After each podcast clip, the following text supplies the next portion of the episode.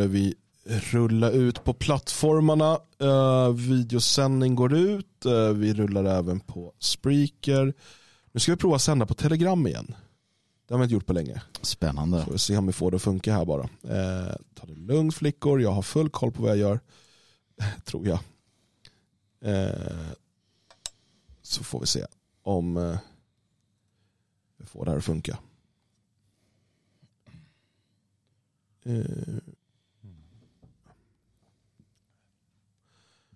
Tror inte det funkar på det sätt jag vill. Mm.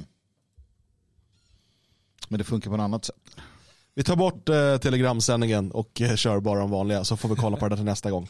Eh, jag känner att jag behöver testköra lite först. Eh, hörni, mm. ska vi ta lite musik då? Liksom komma igång. Lite romantik kanske. Ja men det passar på kontoret. Vad det tror ni om lite glesbygdsromantik? Ja, Absolut. underbart.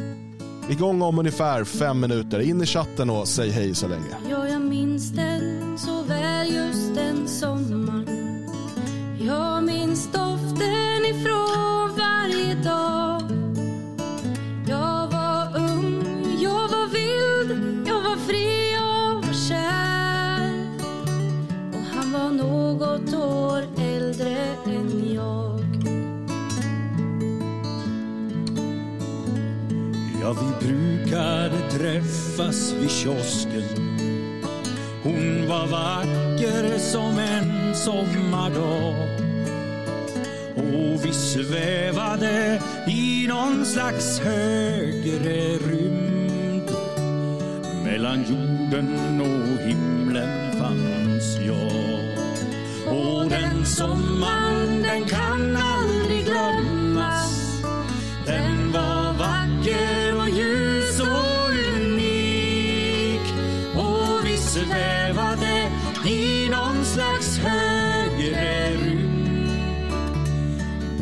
glesbygdsromantik.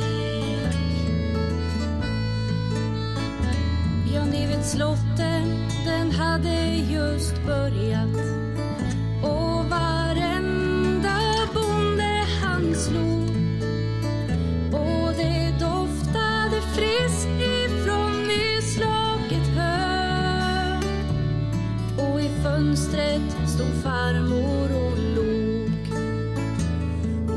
Hemma de brukade skratta.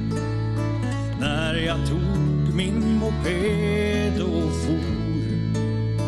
Min far la armen runt mamma och suckade.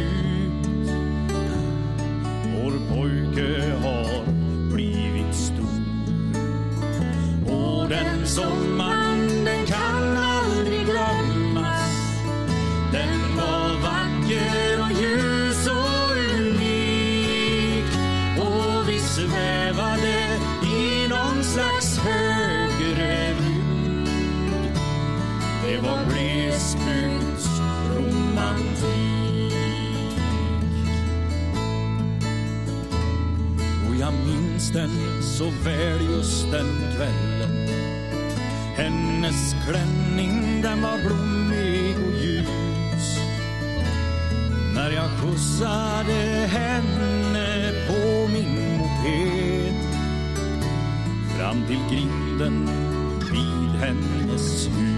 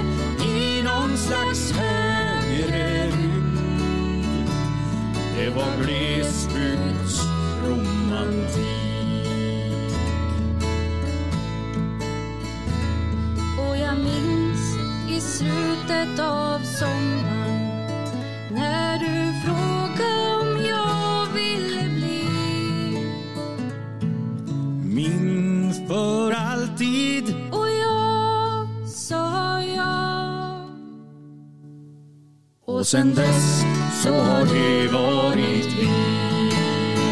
Men den sommaren,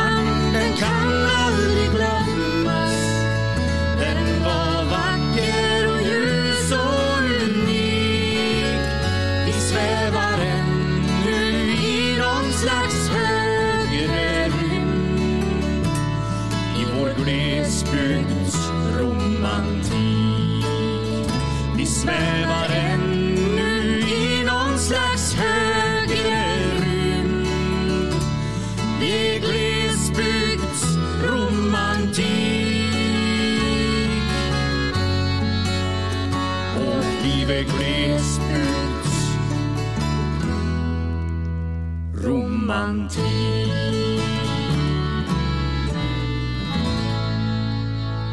God förmiddag svenskar och välkomna till dagens Svegot 5 juni. Rena, ja, det är ju nationalafton idag. Mm, nationalafton. Jag tycker det är ett fint, eh, en fin benämning. Det borde vi införa. Det gör vi nu. Ja. Det gör vi verkligen. Ja. Ja. Och sen är det annandag national. Absolut. Sen så 20 national. Bara om man får anledning att äta tårta flera dagar i rad. Så. Det, det, är det, det är det det handlar om. Eh, hur har helgen varit grabbar? Eh, jo tack du, den har varit bra.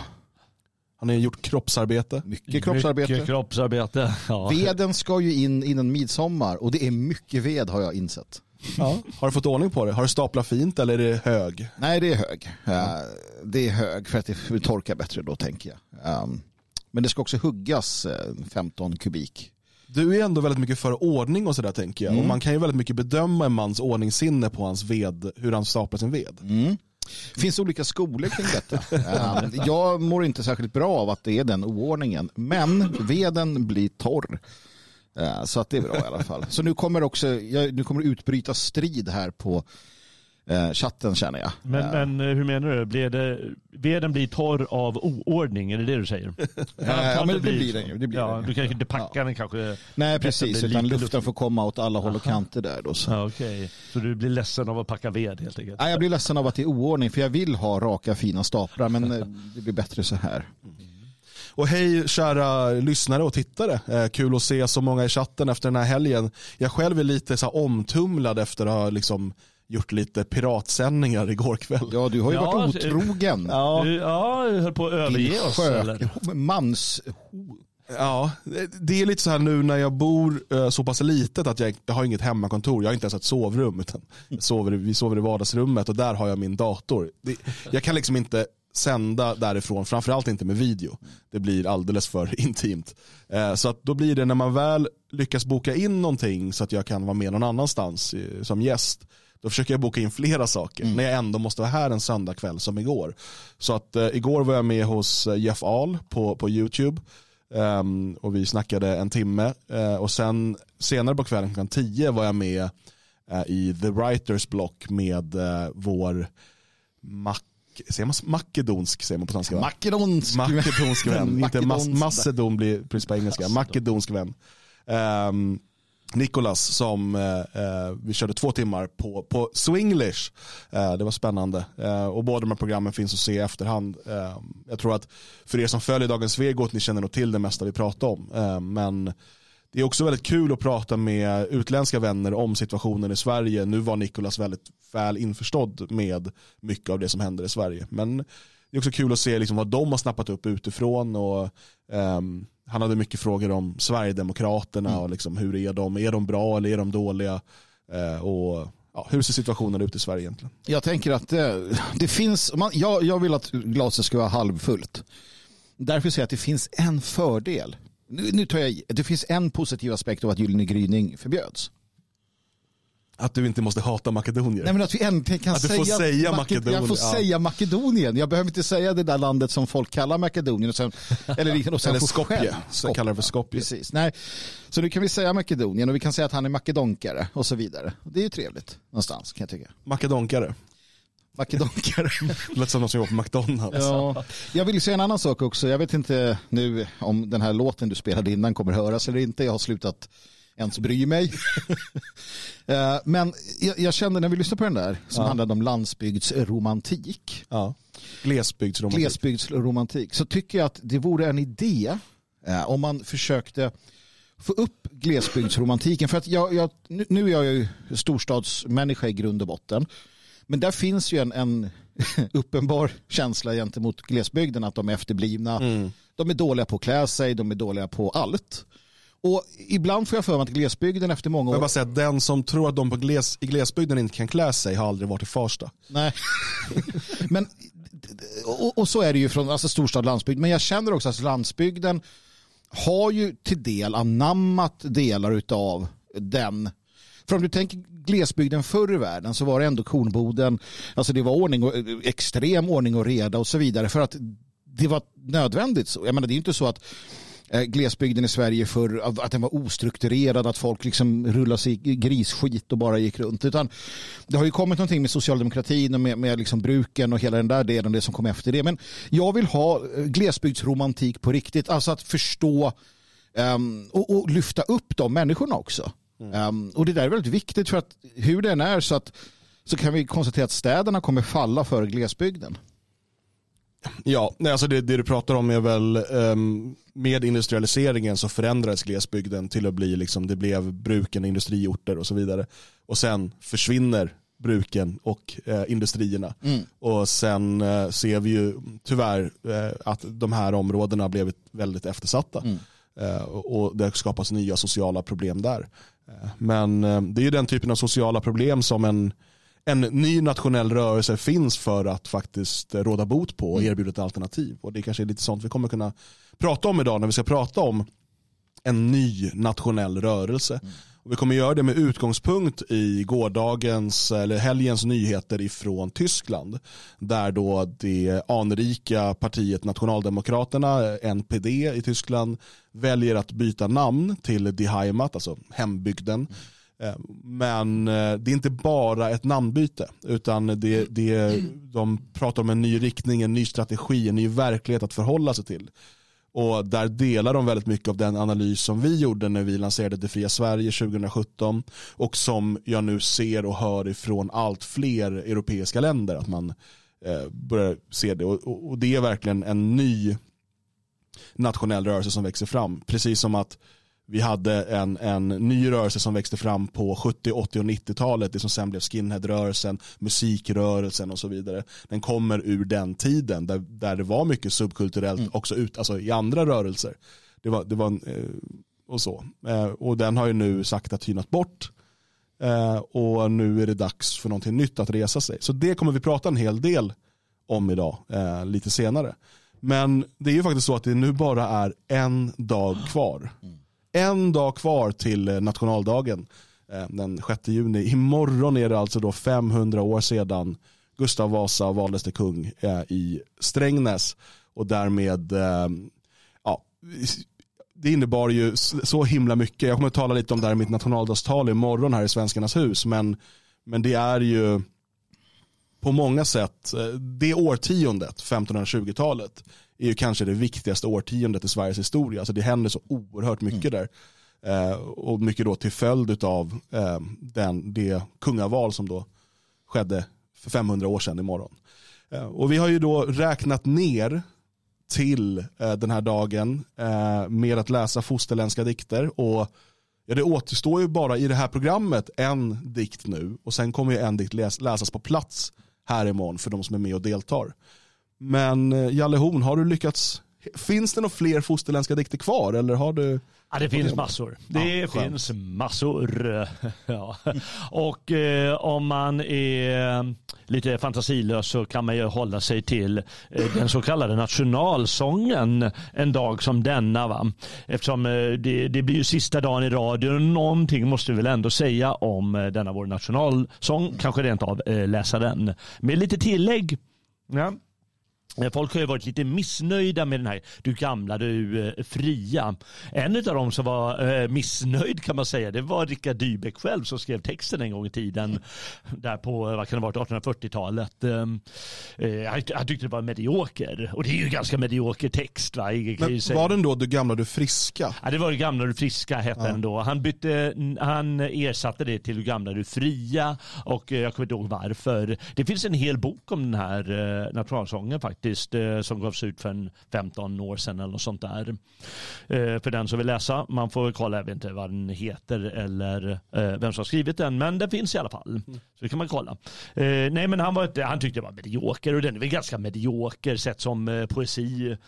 Men den duger ju bra, tycker jag, lite klämkäckt, alltså melodi och så. Faktum var att folk var lite besvikna på melodin också, tyckte att ja, men den är lite släpig och det danskarna och norrmännen ser minsann bättre musik också, både text och musik. Och det är väl gamla typiskt svenska det här att ja, men det som utlänningarna har det är ändå bättre på något sätt. Eh, Det är en bisarr attityd vi har. Men det är väl någon liksom självkritik som vi ändå har styrka nog att ha. Så han var lite eh, sisådär och jag vet inte om han tänkte att det skulle bli någon nationalsång. Givetvis tänkte inte han det när han skapade det. Utan det är tillfälligheterna som har gjort att den har blivit det.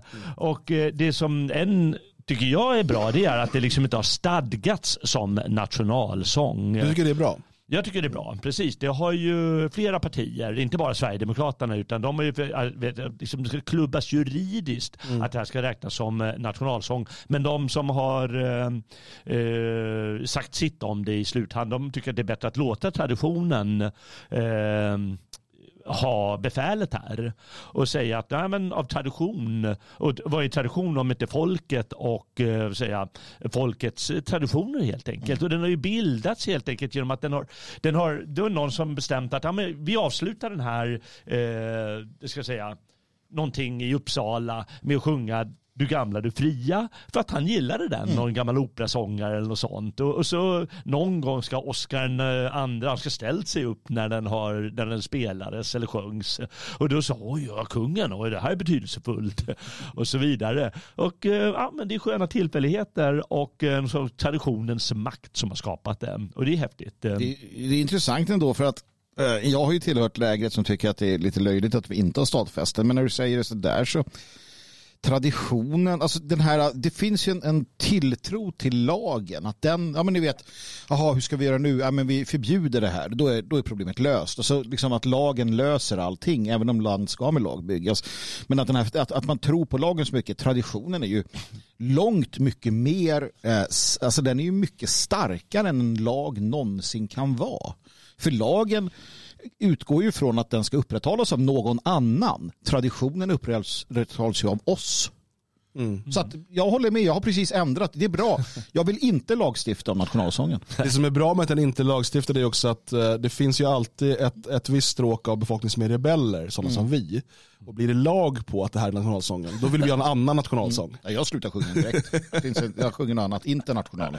Ja, det är roligt. Eh, eh, jag tycker den fungerar jättebra som nationalsång. Och jag tycker orden fungerar också bra som eh, nationalsång. Det är inget fel med det. Det var alltså som poesi så är det väl lite mediokert. Han har nog rätt i det, Rickard Dybeck, när det begav sig. Man har ju klagat på det här med att det, det inte nämns Sverige och brukar putslustigt säga att det är bara den polska nationalsången som har ordet Sverige med i, i sin sång. Ja, ska, vadå, ska vi införa den som svensk nationalsång då eller? Men vi har ju hört vid eh, några tillfällen här att eh, just Norden är många dikter, som, fosterländska dikter som har, eh, inte som substitut till Sverige, men liksom man förstår. Ofta beror det säkert på att man behöver ett jäkla nödrim om man ska rimma på Sverige eller Svea. Och eh, det blir lite fånigt med de här nödrim. Det är Ja, och alla Ikea fanns ju inte då, annars hade man ju haft en ganska självklart rim. Nia går ju på Svea. Men, men jag vill också säga det att eh, det finns en fördel till i det som jag ser i att eh, det är lätt som vi ser idag när vi pratar Sverige och svenskar att man blandar ihop det med staten, den nuvarande staten. Och genom att Sverige inte nämns utan Norden, vår plats på jorden, eh, att den nämns istället. Så, så blir liksom staten lämnas utanför det. Det här är inte en, det här är inte en hyllningssång till staten utan till vårt folk och vår plats här på jorden. Ja, Nej, men det är det. Och eh, den eh, lanserades ju som en folkvisa. Och den bygger på en gammal folkmelodi eh, som har liksom eh, anor tillbaka nästan till medeltiden. Eh, kanske rent av till medeltiden. Någon gammal sån här medeltida ballad som heter Kärdestans död eller något sånt och som har ändrat namn och så ändrats om lite och sådär. Så det är en gammal folkmelodi först på 1900-talet, kanske 20-talet eller något sånt, som den har gått, bytt rang från folkvisa till fosterländsk sång i sångböckerna. Eh, och det tycker jag var ganska roligt. Läste jag en grej här eh, som jag tyckte var roligt. Eh, eh det skrev, de, de har ju kommit till genom att de har lagts i folkvisesamlingar. Eh, Eh, som ofta är liksom en, liksom psalmboken är ett sätt att låta traditionen eh, finnas vidare. Och eh, man brukar ju säga att ja, men det svenska uppfanns ungefär 1890-talet på Skansen. Mm. Ja, det var då Sverige uppfanns mer eller mindre. Det är många som säger. Och alla de här gamla eh, danserna vi gör på midsommarafton, de eh, de uppfanns då mer eller mindre. Men det var ju förstås eh, massa etnologer och sånt ja. som hade studerat svensk historia. Och eh, läste jag här att 1845 så eh, tror jag den här boken, det var därför den här sången fick spridning, för att den tog plats i en sångbok som just beskrev och tog upp eh, svenska danser, lekar och visor. Och det var liksom redan 1845, 50 eh, år tidigare. Ja, det är väl som när bröderna Grimm åker runt och samlar eh, liksom folk folksagor. Mm. Det är inte så att de uppfinner dem, men de samlar dem och ser till att de finns tillgängliga och bevaras för eftervärlden. Nej. Precis samma sak här, om du då etnologer och så vidare åker runt i Sverige eh, och ser okej okay, hur gör ni här och så vidare och sen är det klart att med eh, liksom, modern teknik och så vidare så har ju saker standardiserats på ett sätt liksom. Mm. men de har ett ursprung runt om i våra bygder.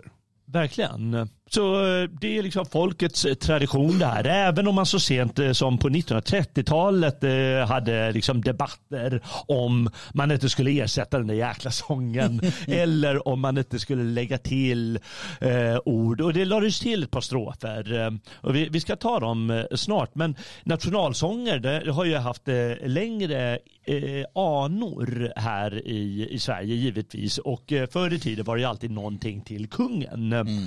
Och Eh, eh, på 1700-talet eh, då, då tillkom det till ett, ett par visor som i efterhand har kallats här nationalsång. Det kallas ju kungssång förr i tiden eftersom kungen är på något sätt representanten för folket. Och Carl Michael Bellman skrev ett par stycken som var väldigt, väldigt populära. Bland annat den berömda Gustavs skål, den bästa kung som Norden äger och så vidare. Jag eh, kan läsa första strålet, jag kan läsa hela den. En ja, gammal nationalsång. Gustavs skål, den bästa kung som Norden äger. Han ej tål att viktskålen ojämnt väger god och glad han ilskans röst föraktar samt avvaktar och betraktar dårskap i sin grad. Det där går ju inte av som nationalsång, eller hur? Vi ser om andra strofer är bättre. Sådan kung är värd att styra Sveriges öden, rask och ung, ej rådlös ut i nöden. Vasa 1 har aldrig lärt att svika, aldrig tveka, men att fika till att göra rätt. Att fika? Att eh, det kan inte, efter. Det betyder inte alltså kaffe och chokladboll? Nej. Nej. Nej. Ja, men det där går inte att ha som nationalsång, det, det förstår ju var och en. Ja. Eh, det tillkom en annan som blev väldigt populär också Eh, några år efter Carl Michael Bellman, han skrev väl den här på 1870-talet kanske. Eh, och eh, det är en som använder, man använder musiken till engelsmännens nationalsång. Okay. God Save the King eller ja, God Save the Queen eh, beroende på vem som råkar. Nu heter, nu heter den väl God Save the King. Precis, de ändrar ju där beroende ja, på. Exakt. Eh, och eh, det var någon, jag tror inte texten är direkt översatt från den engelska utan som skapat sin egen, en gubbe som heter Abraham Nick Niklas Edelkrans och den tycker jag är ganska bra. Den mm. skulle kunna gå att använda. Den är li lite lång för att uh, användas i pamp i dagens här, idrottstillställningar och så. Jag, eh. jag, måste kommentera chatten här. De reagerar på att jag säger chokladboll och inte negerboll. Va? Vad sa du? Chokladboll, jag säger alltid chokladboll. Aha. Jag har i stort sett alltid sagt det också. Tycker ni att det låter aptitligt med, med negerboll? Ja, för guds skull. Jag tycker det, jag tycker det låter oerhört oaptitligt. Jag har alltid tyckt att det är ett så här Alltså inte för att jag blir liksom, tycker att det är rasistiskt utan bara en typ som vill äta något som heter det. Okej, ja. Men det är väl kanske bara en översättning från en eh, italiensk bakverk eller så. Möjligt, jag bara tycker, jag vet inte, jag, jag tycker varje gång någon säger det blir jag så här, ja, mm, okej. Ja just det, och här har vi bajskaka. Mm, jo, ja men folk säger man får inte säga bajskaka, det är bara nej. Det, Ja, alltså, ja, förlåt, fortsätt. Det var ett nödvändigt in, eh, inlägg jag förstår. Nåväl, eh, svensk folksång eh, kallades den länge. Ja, ännu en folksång. Eh, den går så här. Bevara Gud vår kung, gör säll vår ädla kung, leve vår kung, bekrönt av ärans hand, alltid med hjärtats band, förent vid folk och land, leve vår kung. Och den som vill kan ju låta eh, eh, bevara Gud vår kung. Kan, den engelska melodin kan ju surra i bakhuvudet medan jag läser vidare. Men Jag, jag inte får få- bara upp Rule Britannia-melodin Ja, så det det, är blir fel. att få. Ja. Eh, Gud krossa hatets våld och listen som fördold i mörkret går. Stäng alla sorgers tropp långt från hans banas lopp. Han är vår tröst, vårt hopp, hans sällhet vår. Gud, allas hjärtan rör, att aldrig otack gör hans krona tung. För Vasas ädla ett, för vårt regeringssätt, för lagens helga rätt, leve vår kung. Och det här var ju innan de avsatte eh, Gustav IV Adolf eh, 1809. Så det var de gamla tiderna. Att sin belöning nå han länge hälsa små, kung, make, far. För svenska slöjders ans, för svenska snillets krans, för svenska vapnens glans, förläng hans dar. Nu varje troget bröst med hjärta och med röst hans välgång sjung. Må tvedräkt flykten ta, han allas kärlek ha. Sjung svenska folk, hurra, leve vår kung. Den här skulle jag kunna tänka mig att eh, Ja, sjunga. ja, man kan plocka ett par strofer Ja. av den i alla fall. Absolut. Den här, jag måste ju ha en ny melodi. Vi kan inte ta Ja, en- nej precis. Det känns ju väldigt tråkigt. Eh, Det är väl ungefär som att eh, den här israeliska nationalsången är ju Värmlands är det Ack Värmland du sköna eller? Det måste ju stämma då. Ja men det är så jäkla konstigt. De- Den här är bra, den tar vi. Mm. Ja. Det är någon som skriver jag föredrar kungsången och kungsången den, eh, den kom till på 1800-talet. Den ersatte då de här gamla kungsångerna eh, senare då. Så nu Just det. sjunger vi en annan kungssång eh, som också är bra. Ja, gör kronan på hans gässa lätt och så vidare. Mm. Du, Men- fol, du folk av ädel stam. Just Att man, det. att man sjunger det fortfarande ändå. Ja, just det. Mycket ädelstam. Ja. Ädel är också ett annat ord för arier. Ja, Du är folk ser. av arisk stam det Ja. man sjunger alltså. Ja. Ehm, Nåväl, eh, sen så kom ju i alla fall Rickard Dybeck och eh, lanserade sin eh, lilla eh, folkvisa. Eh, som sedan blev fosterländsk sång och för att göra den extra fosterländsk och inte bara... Förlåt, jag har ju fel. Fröjdad stam. Jaha, Fröjdad Det är inte ädel Ja just det, fröjdad stam är det i kungsången. Ja, vi, vi kan ändra texten. ni kan ändra Ja. texten till arisk, nej ädel stam. Ja. Eh, nej, då kommer han med sin folkvisa som eh, sedan blev fosterländsk sång och sedan kallas nationalsång. Och för att få den lite mer eh, nationell då har man ju försökt pressa in eh, lite extra såper med Sverige och så. Och eh, det är ju synd att inte de här eh, två extra såferna av eh, eh Louise Allén som kom till på 1910-talet, att de sjungs med. Mm. Men det kanske är för att det blir lite, lite för långt helt enkelt. Ja, och de blir ju också mycket mer, de är dels får vi en gud Mm. och sen blir de ju ännu mer då nationalistiska på något sätt. Och, eh, så att det är möjligt att det passar inte heller in i det moderna socialdemokratiska Sverige som började byggas ganska kort därefter. Ja, just det. Men, men de, höll, de, de lanserades i visböckerna i ett par årtionden men eh, sen behölls de inte för det var inga som, inte särskilt många som sjöng dem. Och det är väl antagligen för att det blir för mycket att sjunga klamid med fyra strofer. Eh, men dagen till ära morgondagen alltså. Vi sänder ju inte radio imorgon. Nej. Så vi får ju ersätta, det, vi kallar det ju nationalafton som sagt. Och då kör vi väl ändå du gamla, du fria med Mm. inte du gamla, du friska utan du gamla, du fria. Jag tycker det är bra ändring. Ja, där. så pass moderna är vi. Ja, med Louise Alléns tillägg. Du gamla, du fria, du fjällhöga nord. Du tysta, du glädjerika sköna. Jag hälsar dig vänaste land upp på jord. Din sol, din himmel, dina ängder gröna. Upprepningen den är ju för eh, eh, musik. Mm. Nu läser vi bara så vi struntar i upprepningen. Du tronar på minnen från fornstora dagar, då ärat ditt namn flög över jorden. Jag vet att du är och du blir vad du var. Ja, jag vill leva, jag vill dö i Norden. Jag städs vill dig tjäna, mitt älskade land. Dig trohet till döden vill jag svära. Din rätt ska jag värna med håg och med hand. Din fana högt den bragderika bära.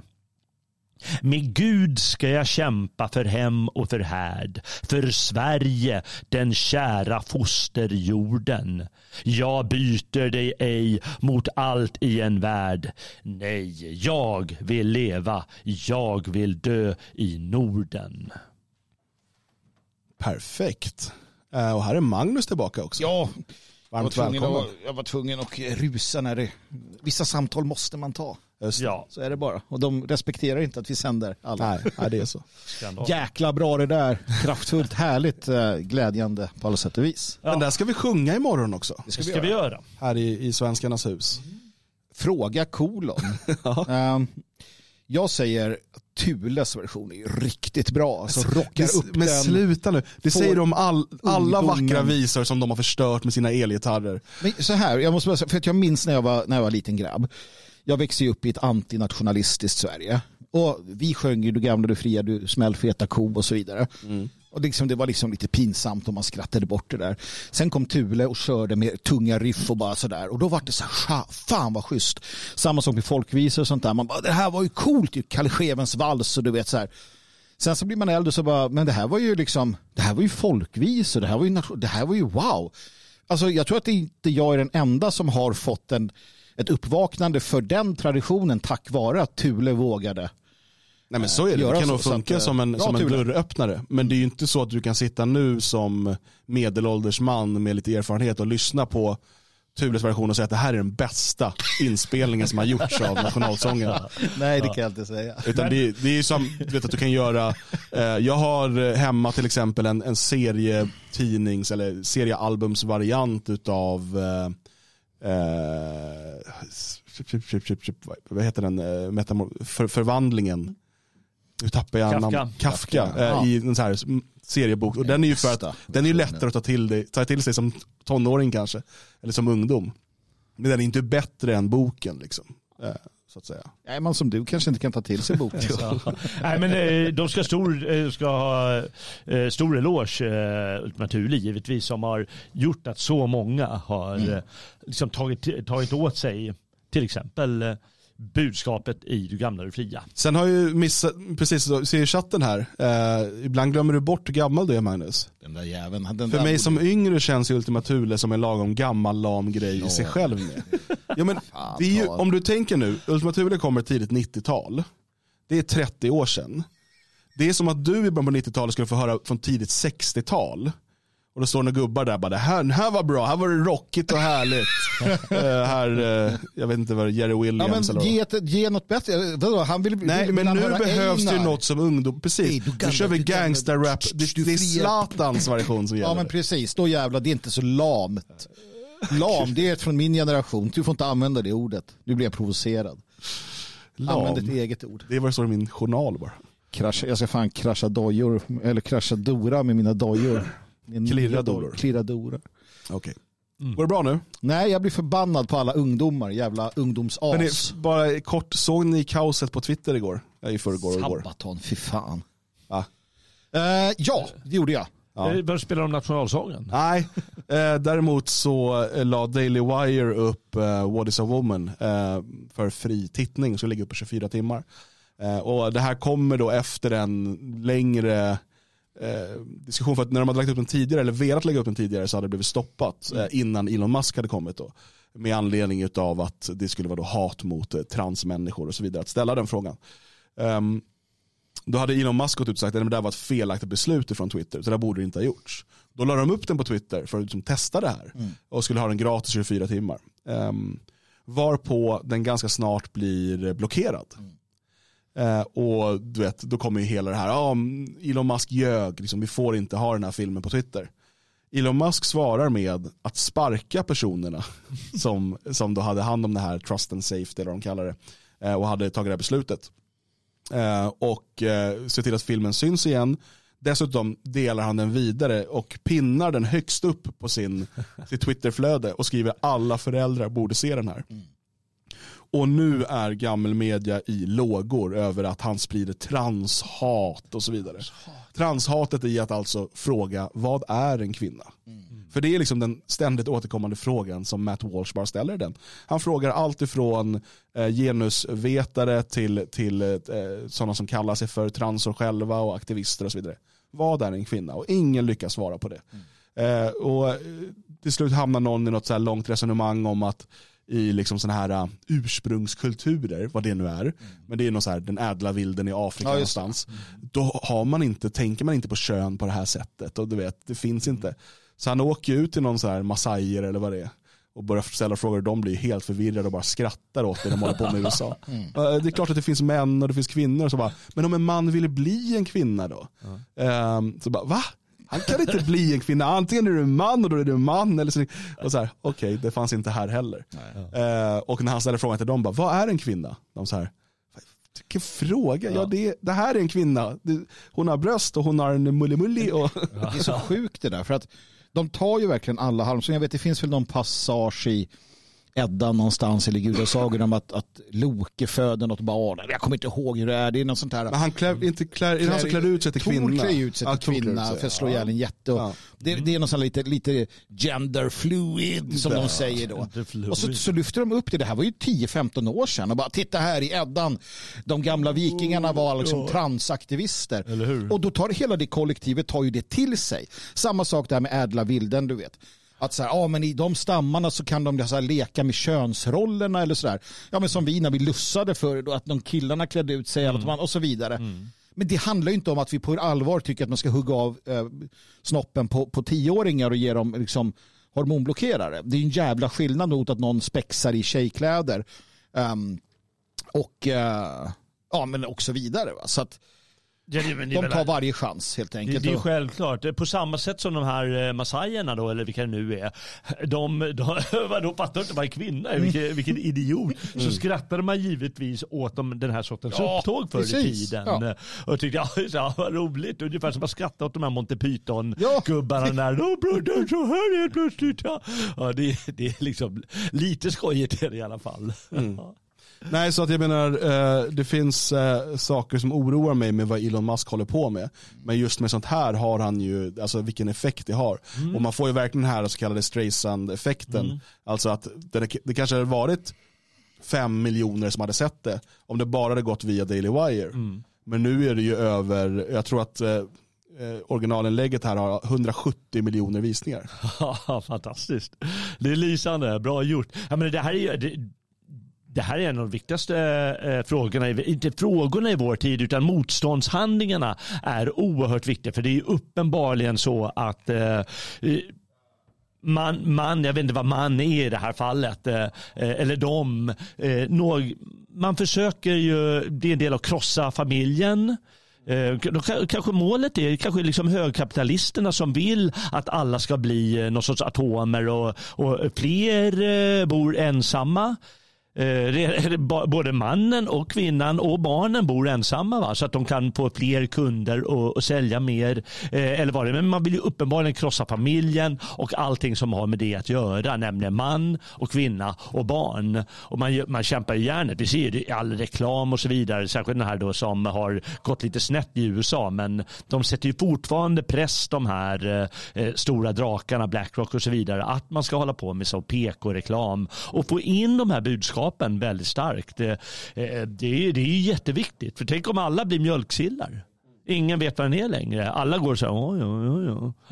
Eller om de bara vill eh, åt den, eh, den vita rasen, liksom. det är väl inte omöjligt identitetslösa, könlösa människor är ju perfekta för de kan fyllas med en ny identitet som de kan få konsumera sig till. Ja. Alltså, det, är ju, det är den perfekta konsumenten är ju den som hela tiden söker efter eh, en identitet. Ja, Eh. Så att det är klart att det förstör varenda liksom, fiber i, i vår identitet så att de kan så att säga inom citationstecken bygga upp den igen Mm. eh, med sitt jäkla skräp. Ja, ja precis. Så, så, så de byter då eh, varannat år eller eh, var, varje halvår eller något sånt, när som helst. Mm. Precis, nu är det här på mode, så nu måste du ha de här sakerna, Ja. nu måste du ha, liksom, ha den här identiteten, för nu är det liksom det rätta och det som är inne. Så bra gjort eh, Musken eh, i det här fallet. Bra gjort. Eh, en annan eh, kortis, eh, igår så var Arja Andersson, som hon tydligen heter numera, eh, hon var på Agenda. Eh, eller ja, i Agenda eh, på SVT och ehm, där blev hon eh, intervjuad och det finns lite klipp som, som, som florerar där ute. Vi kan kolla på ett av dem bara för att liksom se vilken nivå det här höll sig på. Eh, och då lät det så här. Men om vi återigen då talar om din roll som oppositionsledare. Du anklagar nu då SD och regeringen för att öka motsättningarna, splittra samhället. Men, men är det inte precis det du också gör med ditt tonläge här? Att du ökar misstänksamheten och splittringen? Jag önskar så mycket att jag nu efter ett drygt halvår kunde säga att de som varnade för en sån här utveckling hade fel. Det visade sig att de traditionella högerpartierna kunde tygla, kunde, ja, men lyssna, kunde tygla Sverigedemokraterna. Att det, att det gick i den riktningen. Men det vi istället ser det är ju en förflyttning av de traditionella högerpartierna i Sverigedemokraternas riktning. Och då är det naturligtvis min uppgift som oppositionsledare att tydligt med konkreta exempel peka på vad det är för någonting som sker. Och det som de gör med att vara så tydliga med att de vill tysta det största oppositionspartiets röst. Alltså när jag berättar om det utomlands, människor är ju chockade. Men, men, men i er när jag berättar om det utomlands, ja, där du berättar den helt sanna och objektiva versionen av vad som hänt. Hennes liksom, tal om att de vill stoppa finansieringen av oppositionspartier. För, för det är så hon formulerar det hela tiden. Och det är liksom, I stort sett låter det på henne som att ja, men det finns ju då partibidrag från staten och de vill stoppa så att oppositionen inte ska få det här. När det egentligen handlar om då att stoppa att de kan skuldsätta pensionärer genom att sälja lotter på faktura. Hon, Så. hon har ju verkligen... Eh, fan vad det har gått långt i studion att Dan till och med mutar oss. Men jag är tvungen, du, jag, du skrek i telefon här ute så jag var tvungen att muta. Det är för att vi håller på att planera en, någonting för imorgon här. Imorgon? Ja. Vad händer då? Nationaldagsfirande i Svenskarnas hus. Det är ju nationalafton idag. Nej men så här. Ehm, det är så tydligt att hon har lärt sig. Att hon har verkligen utbildat sig och anammat den här amerikanska eh, attityden. För det är faktiskt, jag, jag ägnade lite av helgen ägnade åt att titta på partiledardebatten 1986 inför valet tror jag var, eller 87. Helgkul. Det var Olof Palme mot eh, Ulf Adelsohn. Och de var duktiga båda två. Men det var inte på den här, den här nivån. Den fanns liksom inte. Fram tills Magdalena Andersson åkte till USA så fanns inte den. Nej. Liksom, visst, eh, Göran Persson kunde vara lite grisig och sådär. Det, Men det här är en helt ny nivå som hon lyfter det till. Det är faktiskt vedervärdigt. Sänker det till ska jag säga. Sänker det till, ja precis. Eh, och, eh, man pratade också om, eh, ni har säkert inte missat det här, men Gulan Afshi heter hon va? Eh, denna vedervärdiga människa eh, på, på alla möjliga sätt och vis. Kommer ni ihåg hennes attacker på Mira Aksoy? Ja, ja, och, eh, när hon påstod att, nej, ja, skitsamma. Ja, det var fruktansvärt var det. Ja, hon, är, hon är en vidrig människa, men hon skrev hur som helst en debattartikel angående den här El Hash och hans eh, besök på Hamas-konferensen i Malmö. Eh, och då är det, det finns flera vittnen som då berättar om hur Magdalena Andersson då hotar att polisanmäla Gulan Afshi för den här debattartikeln då för, jag antar för förtal. Mm. Jag vet inte om det är förtalsombudsmannen som ska hjälpa henne. eh, men, eh, och, och det är också en helt ny grej att liksom riksdagsledamöter ska börja polisanmäla varandra för debattartiklar. Mm. Eh, Men det ligger ju i linje med den här upptrappade konflikten som hon vill ha. Hon fick en eh, fråga om det och då sa hon bland annat så här då. talar då om att man hotar och tystar. Eh, Liberalerna hävdar ju att, att du hotade med att anmäla dem för förtal eh, efter en debattartikel som, som de presenterade här, här i veckan.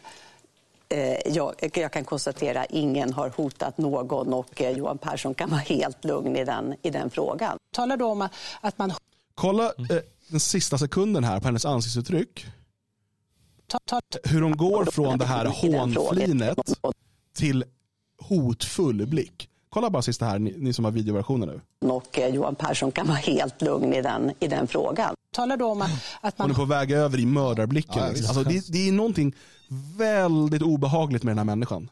Väldigt obehagligt. Och det där har kommit på senare alltså hon har ju inte varit behaglig någonsin va? men som sagt på senare tid har hon blivit ännu mer obehaglig kan jag tycka. Och det finns, ehm, det är inte omöjligt att hon blir en av de värsta utav de värsta socialdemokratiska partiordföranden vi har haft. Ja. Det finns något där inne som inte är bra. Alltså, eh, eh, Göran Persson kunde ändå vara liksom lite jovalisk och sådär. Och, och de andra, du vet, alltså Persson, Dojan, det var ju ingenting. Och, men här finns det någonting djupare, det finns någonting väldigt knepigt i henne. Jag vet inte. Jo, jag tycker att hon är så värdelös. Hon verkar vara liksom hon verkar vara korkad och hon verkar vara dålig på de flesta plan. Här står någon som skriver i chatten här, eh, Argus, eh, kompisintervjuad av den uppenbart köpta och partiska Camilla Kvartoft vars lön vi alla tvingas betala. Och eh, när jag ser de här då, då undrar jag, är det regisserat eller? Jag tror inte hon är så jäkla vass eh, när Magdalena Andersson, jag tror hon får mycket hjälp på traven. Jo. Och, eh, och då framställs eh, hon som sådär bra. Men faran är att hon framställs så jäkla mycket av alla parter som ja, men hon är nog smart. Hon gick ju på Handels ändå och hon, hon verkar vara kunnig och så. Men jag tycker att hon är helt värdelös. Och jag, jag tror att det är halvt regisserat. Och mycket är ju som du säger, hon har köpt den amerikanska retoriken. Ja, men hon går väl hos någon, som, eh, någon regiassistent som eh, visar hur hon ska hålla på med ansiktsdragen och, och de där grejerna. Jag vet inte. Kommer ni ihåg det här ifrån eh, riksdagen? Det är när hon var finansminister. Eh, hur, för det här, hon visar redan här sin liksom, Finansminister Ja, vad man nu ska kalla det för. Socialdemokraterna, varsågod. Hon går fram till då talman Tobias Billström här. Ja, men det, men, men så, så här är det. det. Det får finansministern i så fall ta i talarstolen. Det är inte jag som deltar i debatten. Så, varsågod. men det är en ordningsfråga. Det kan inte vara en ordningsfråga vad som framförs från talarstolen. Det, det får finansministern i så fall ta med respektive ledamot. Jag uppfattar inte någonting som bryter mot reglerna i kammaren. Varsågod. Bra. Eh, Det är bra man får glida på sanningen hur mycket som helst enligt eh, moderata talmannen. Och säkert, det är möjligt att det är andra talman också. Ni är mycket erfarnare i eh, Jag rekommenderar finansministern att inte börja käfta med talmanspresidiet. Det är inte därför finansministern är här. Varsågod. Tack herr talman. Jag pratade med talmanspresidenten. Eh, och du vet hon säger, det moderata, tal, du vet, det, hon är ständigt offer, ständigt attackerad. Liksom, fy fasen vilken människa alltså. Ja, det är vidrigt. Eh, Jag tycker det är väldigt synd. Han, han, var ju, han var bra att han eh, la sig, kom och käfta med eh, presidiet här. Jag tycker han borde sagt att eh, nu får du gå och sätta dig, du får Ja. inte tala. Men- men- det, hade varit, det är enda sättet att sätta dit en sån här. Hon är halvpsykopat och sen är hon halvt, eh, eh, vad heter det, eh, upplärd då att hålla på och göra sådana här saker. Problemet är att hon, det måste vara att hon inte är särskilt smart eller så som eh, Jalle är inne på. Problemet är att hon är väldigt duktig på det hon gör. Det är det jag ser. Man kan tycka vad man vill om henne och man kan tycka att hon är liksom så. Men hon är uppenbart ganska duktig på att manövrera i det socialdemokratiska partiet, att erövra makten och att de facto driva partiet. Eh, nu kan man tycka vad man vill om opinionsundersökningar och så vidare. Vi vet att regeringen har eh, det är svagt och jobbigt för dem. Men jag är rätt säker på att hon kommer kunna ta det partiet vidare. Jag tror inte att hon kommer avgå. Jag tror inte hon kommer tvingas avgå. Utan risken är ganska stor att hon blir statsminister av, med, hjälp, med benägen hjälp.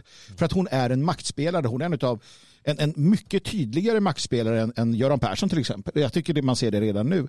Um, i, i partiet och det är ju partiet som någonstans är det centrala för henne.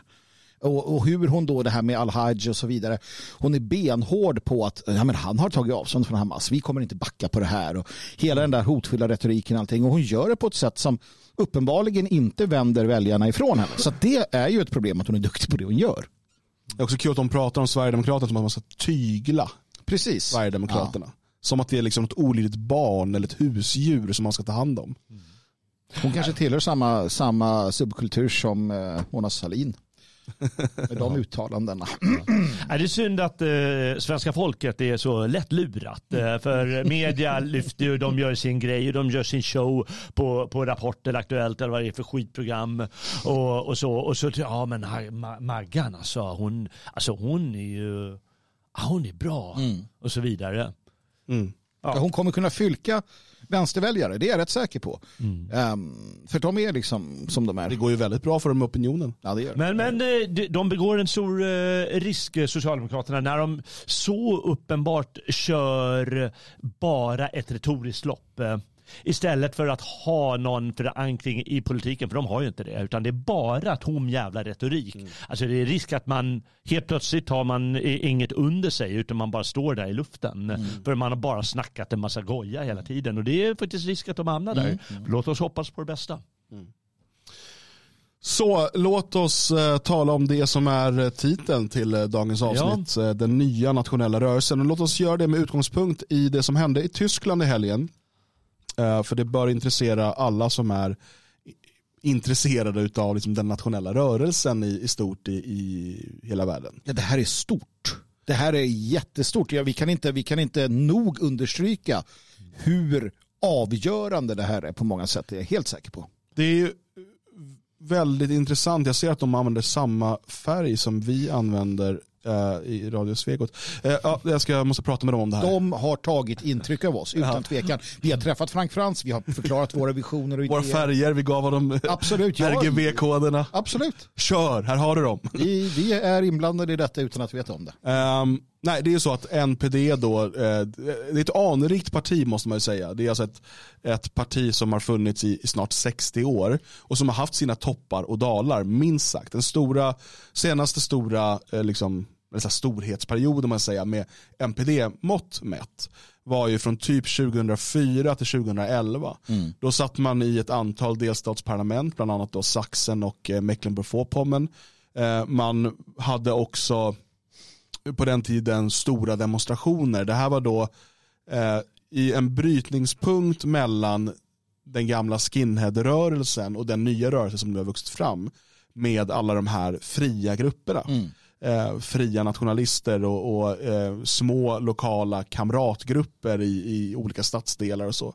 Och de här växte ju fram då ur ett tvång egentligen för att eh, man i Tyskland började förbjuda organisationer hela tiden. Och om man inte hade en stor central organisation utan istället massor små decentraliserade organisationer så är det ju väldigt svårt. Förbjuder det ett kompisgäng, ja men då finns det tusen till.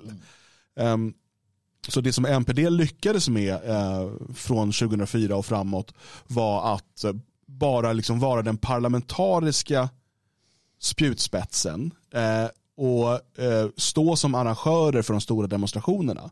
Men att mycket av de här aktivisterna som deltog, de var ju bara med i de här olika kompisgängen eller fria grupperna. Ehm, och man lyckades på det sättet kanalisera en stor del av liksom den nationella rörelsen i Tyskland under NPDs flagg utan att de nödvändigtvis blev liksom politiker i partiet.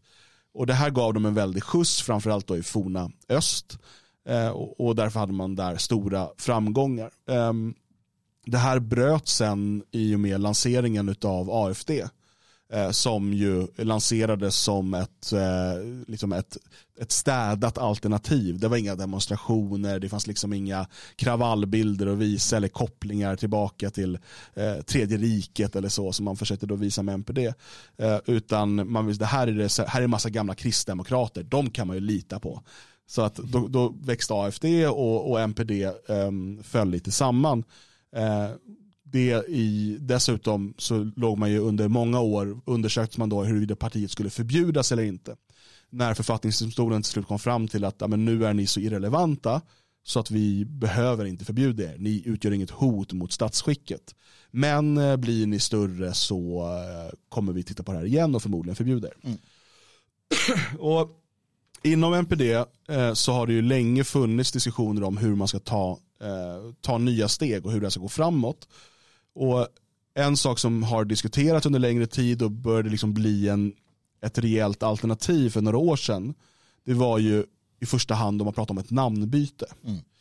Um, och med, när man började tala om det så satte man ihop en, en arbetsgrupp av, eh, med väldigt bred kompetens. Dels då gamla rävar från partiet, dels unga aktivister, dels kulturutövare, alltså musiker. Man försökte blanda in lite allt möjligt som finns i den här rörelsen. Eh, och de här har ju haft massor av liksom interna konferenser och annat och liksom spåna kring de här idéerna. Um, och eh, därför också tagit fram något som är mer än bara ett namnbyte. Än ett namnbyte. Man försökte få igenom det här redan på senaste eh, partikongressen. Eh, men eh, misslyckades. Det krävs att man har två tredjedelar av rösterna för att kunna ändra i partiets stadgar. Och eh, det, man hade en majoritet men inte två tredjedelars majoritet och därför kunde man inte få igenom den här förändringen. Nu har det gått, jag tror det är två år sedan man senast försökte eller om det är ett år. Um, och eh, flera liksom, lokala partier har startat som heter typ Die Heimat Dortmund eller Die Heimat. Eh, och det är helt enkelt mycket gammalt NPD-folk som bara, men vi vill ha det här namnbytet. Så då får vi väl starta lokala initiativ med det här nya namnet. Eh, och nu då i helgen så eh, fick man två tredjedels majoritet med, med god marginal eh, för att genomföra den här förändringen. Jag tänkte, det finns ett pressmeddelande, jag har översatt det här, det kanske är lika bra att jag läser det. Eh, så att vi får en bild av vad det är de faktiskt vill göra. Så här, Nationaldemokraterna är nu Die Heimat. Vid den eh, förmodligen mest banbrytande nationella partikongressen på senare år röstade delegaterna på lördagen i Risa, Sachsen med överväldigande majoritet för ett nytt kapitel i partiets historia. Efter en lång men konstruktiv debatt röstade 77% av delegaterna för det koncept som lagts fram av den federala, alltså den förbundsexekutivkommittén. Um, ehm, inför partikongressen begränsades diskussionen av vissa till frågan om att byta namn på MPD. Men i partiledningens men också delegaternas förklaringar och tal blev det tydligt att det är mycket mer som står på spel. Det handlar om en ny position, om en ny strategisk funktion för vårt parti. Det blir allt tydligare att vi är den sista generationen tyskar som fortfarande kan vända utvecklingen när det gäller att bevara vårt hemland. Kommande generationer kommer att tvingas leva som en etnisk minoritet i sina fäders hemland om saker och ting fortsätter på detta sätt. Med detta i åtanke står det klart för delegaterna att vi inte har tid för parti eller gruppegoism. Det som behövs nu är starka patriotiska nätverk, effektiva allianser på gatorna, i parlamenten och i det metapolitiska rummet. Vår främsta uppgift i framtiden kommer att vara att hjälpa till att bygga upp detta nätverk som en eh, typ av antipartirörelse och patriotisk tjänsteleverantör. Medan andra anser att vi inför den nära förestående förlusten av vårt hemland fortfarande har råd att anta resolutioner om oförenlighet med grupper som av media och staten stigmatiseras som högerextremister sträcker vi ut vår hand till alla välvilliga som vill delta i bevarandet av vårt hemland. Denna nya funktion och strategiska positionering är ett nytt kapitel i vår partihistoria. För att dokumentera detta steg både internt och externt godkände den federala partikongressen att MPD byter namn till Die Heimat i enlighet med partistyrelsens begäran. Partiledaren Frank Frans sade i utkanten eh, av partikongressen citat vi har tänkt på det under en lång tid, vi har diskuterat det, vi har argumenterat hårt om det, men nu är vägen lagd för en strategisk vidareutveckling. Grundarna av vårt parti bildade en samlingsrörelse för nästan 60 år sedan eftersom tyska intressen hade förråtts av etablissemanget. Det är i denna anda som vi nu ser vår rörelse idag. Heimat är avsett att skapa en samlingsrörelse för alla de som vill behålla sitt hemland, som inte bara klagar utan vill bli aktiva. Protesterna under de senaste åren, oavsett om det är mot asylvågen, mot coronaåtgärderna eller mot den politiskt eh, skapade energikrisen, har visat att motståndet växer. Detta motstånd måste vara nätverksbaserat. Vi vill vara en del av detta nätverk för hemlandet. Ja, det här är ju som sagt väldigt stort eh, tycker jag och eh, det gläder mig att de gör det här. Eh, MPD har ju fantastiska möjligheter. Det Heimat menar jag ju. har fantastiska möjligheter att, att, att göra någonting eh, storslaget utav detta. Om man följer den um, om man följer den strategi som man lägger fram här, vilket är i princip den strategi som det fria Sverige har anammat och drivit under ett par år.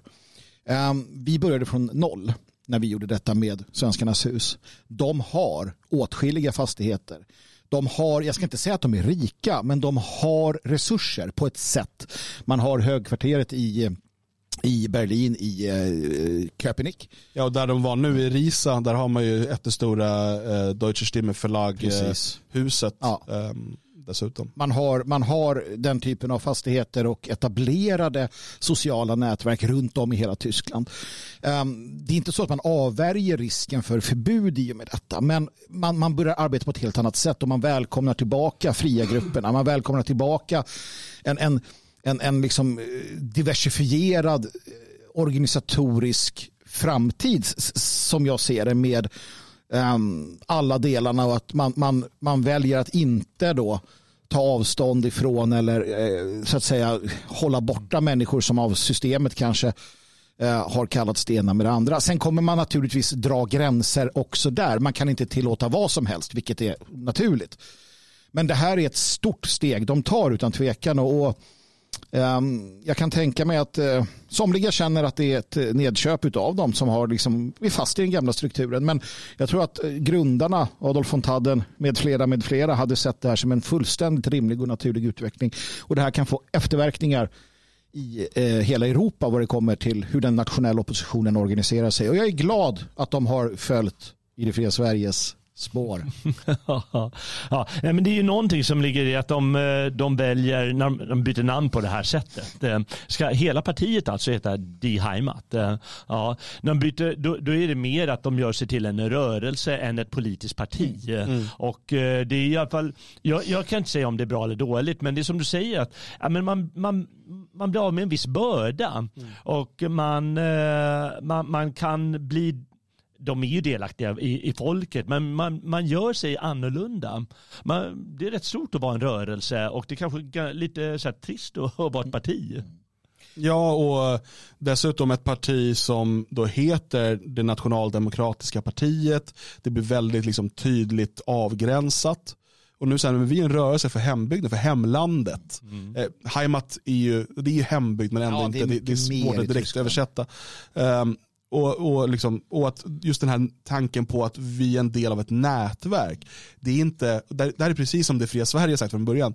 För oss är inte det viktiga att alla är medlemmar i det fria Sverige. Det är jättekul om folk vill bli medlemmar. Men det är inte själva poängen.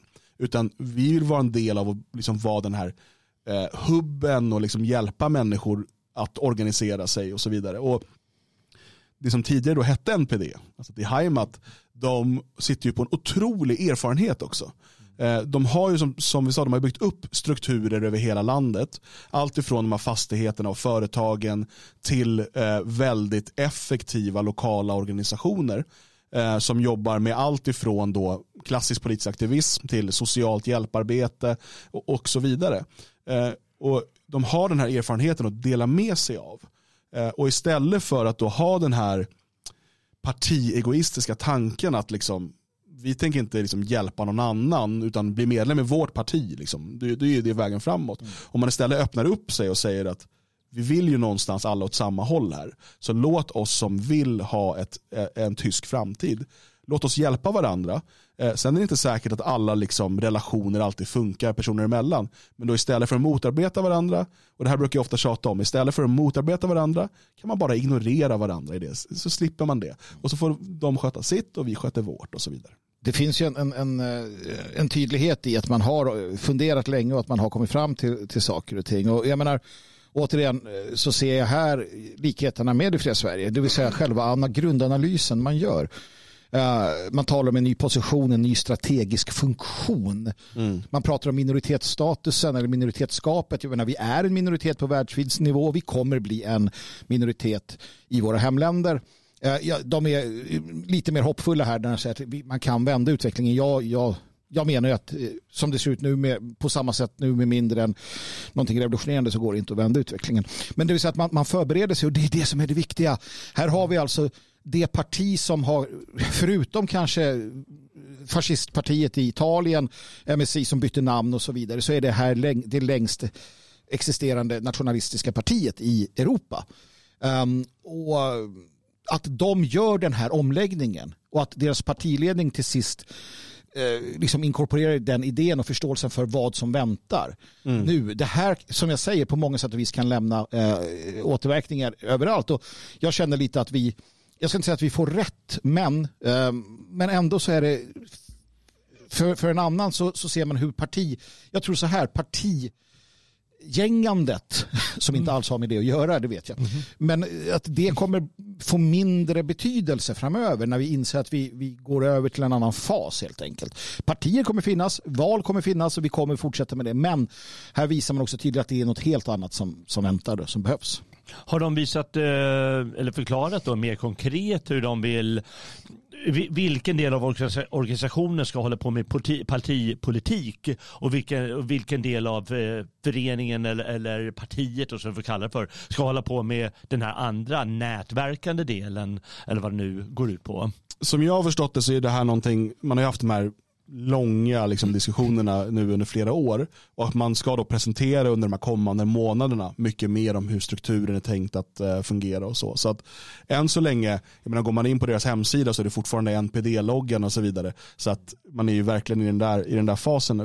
Eh, men jag, precis som du Magnus, jag ser det här i en, i en liksom bredare europeisk kontext av att allt fler inser att eh, situationen idag är en helt annan än för bara 30 år sedan. Um, du vet, när, när, när jag började engagera mig, eh, och det är bara dryga 20 år sedan, tyckte jag ändå, och ser tillbaka på det, då fanns det ändå en, liksom en rejäl eh, chans att ja, men stoppar vi invandringen nu, då kan vi reda ut det här Ja, på ett ja. ganska bra sätt. Liksom. Sedan dess har det, har det liksom kommit eh, en bra bit över en miljon, nästan uppemot en och en halv miljon invandrare till. Och vi har fått en massa andra problem på halsen.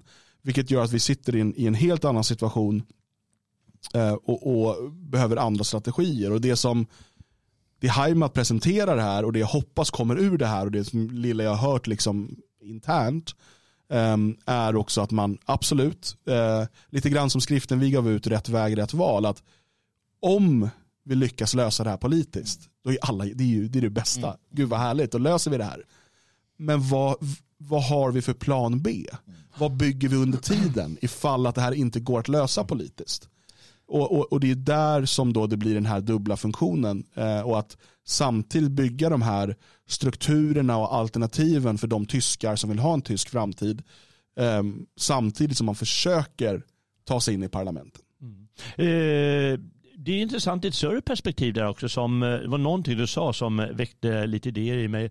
Eh, och det är ju, om, man, om man tittar på länderna idag så är det faktiskt så att eh, politiken kan tyckas betyda mindre och mindre, alltså partipolitiken. Vi har de här multinationella företagen som har otroligt inflytande. Vi har alla, hela den här lobbyismen som, som du Dan har förklarat eh, hur den fungerar i Bryssel. Eh, Den är ju enorm och partipolitiken är egentligen bara en liten del av de här de länder som, eh, det händer ju saker med nationerna också. Det här med med demokratisk partipolitik, det, det är väl någonting förgånget snart. Mm. Och det här är en del av eh, det nya sättet att, att bygga och ta, ta, vad ska jag säga, ta, ta mark i det nya politiska, eller vad vi ska kalla det för, rummet. Nej, men, och, och det ger också ett parti som söker eh, röster är begränsade. En rörelse som arbetar långsiktigt kan fatta beslut på ett helt annat sätt som är till gagn i det långa loppet men som kan verka konstiga. Vi har pratat tidigare om det här med eh, hur allianser kan bli Eh, hur, alltså allianser som måste slutas eller liknande. Ett parti kan förlora alla sina röster eh, om de gör fel liksom, beslut eller allierar sig med fel människor. En, en, rörelse kan på olika ställen agera på olika sätt utifrån vad som behövs just där i lokalområdet och så vidare. I en del av Tyskland så kanske man måste ha en allians med, med inte vet jag, den lokala syrianska kristna mot ett muslimskt gäng eller någonting. Ni förstår hur jag tänker. Mm. Det är en helt ny värld som öppnas. Man måste förstå att vi är en av flera minoriteter. Vi har förlorat vårt hemland på det sättet. Vi vill ha tillbaka det. Men vi är där vi är nu och hur agerar vi där? Och ett parti ska ju bara ett parti kan i princip bara söka efter en sak och det är ge oss era röster och förtroende till val. En rörelse kan göra någonting helt annat. Återigen, varför gjorde vi det fria Sverige? Jo, det är av de skälen. Mm. Den insikten. Så att, och med de resurserna, den kunskapen, de människorna jag såg Udo, Udo Fogt på bild, eh, en av de gamla rävarna och sådär. Med, med den här typen av människor, vi känner flera, så tror jag att det här kan verkligen um, hjälpa dem och, och, resurserna bygga bygga upp någonting i det tysta också och, och, på ett helt annat sätt inte finnas på radarn. Nu kommer de finnas väldigt mycket på radarn hos eh, eh, myndigheterna. Men det här är en helt, det är en helt ny uh, möjlighet. Mm.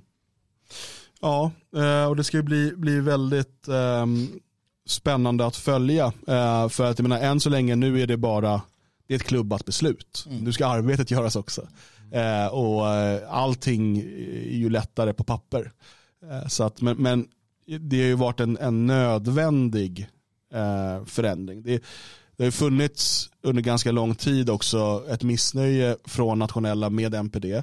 Um, därför har det startats andra partier, men de har ju haft samma problem. De har blivit bara partier. Vi hade, det finns väl fortfarande tror jag Direkte till exempel, alltså högen, mm. uh, som startades av gamla NPD-medlemmar. Eh, och de, du vet, man har lite kommunala mandat och sådär, men det har ju NPD också.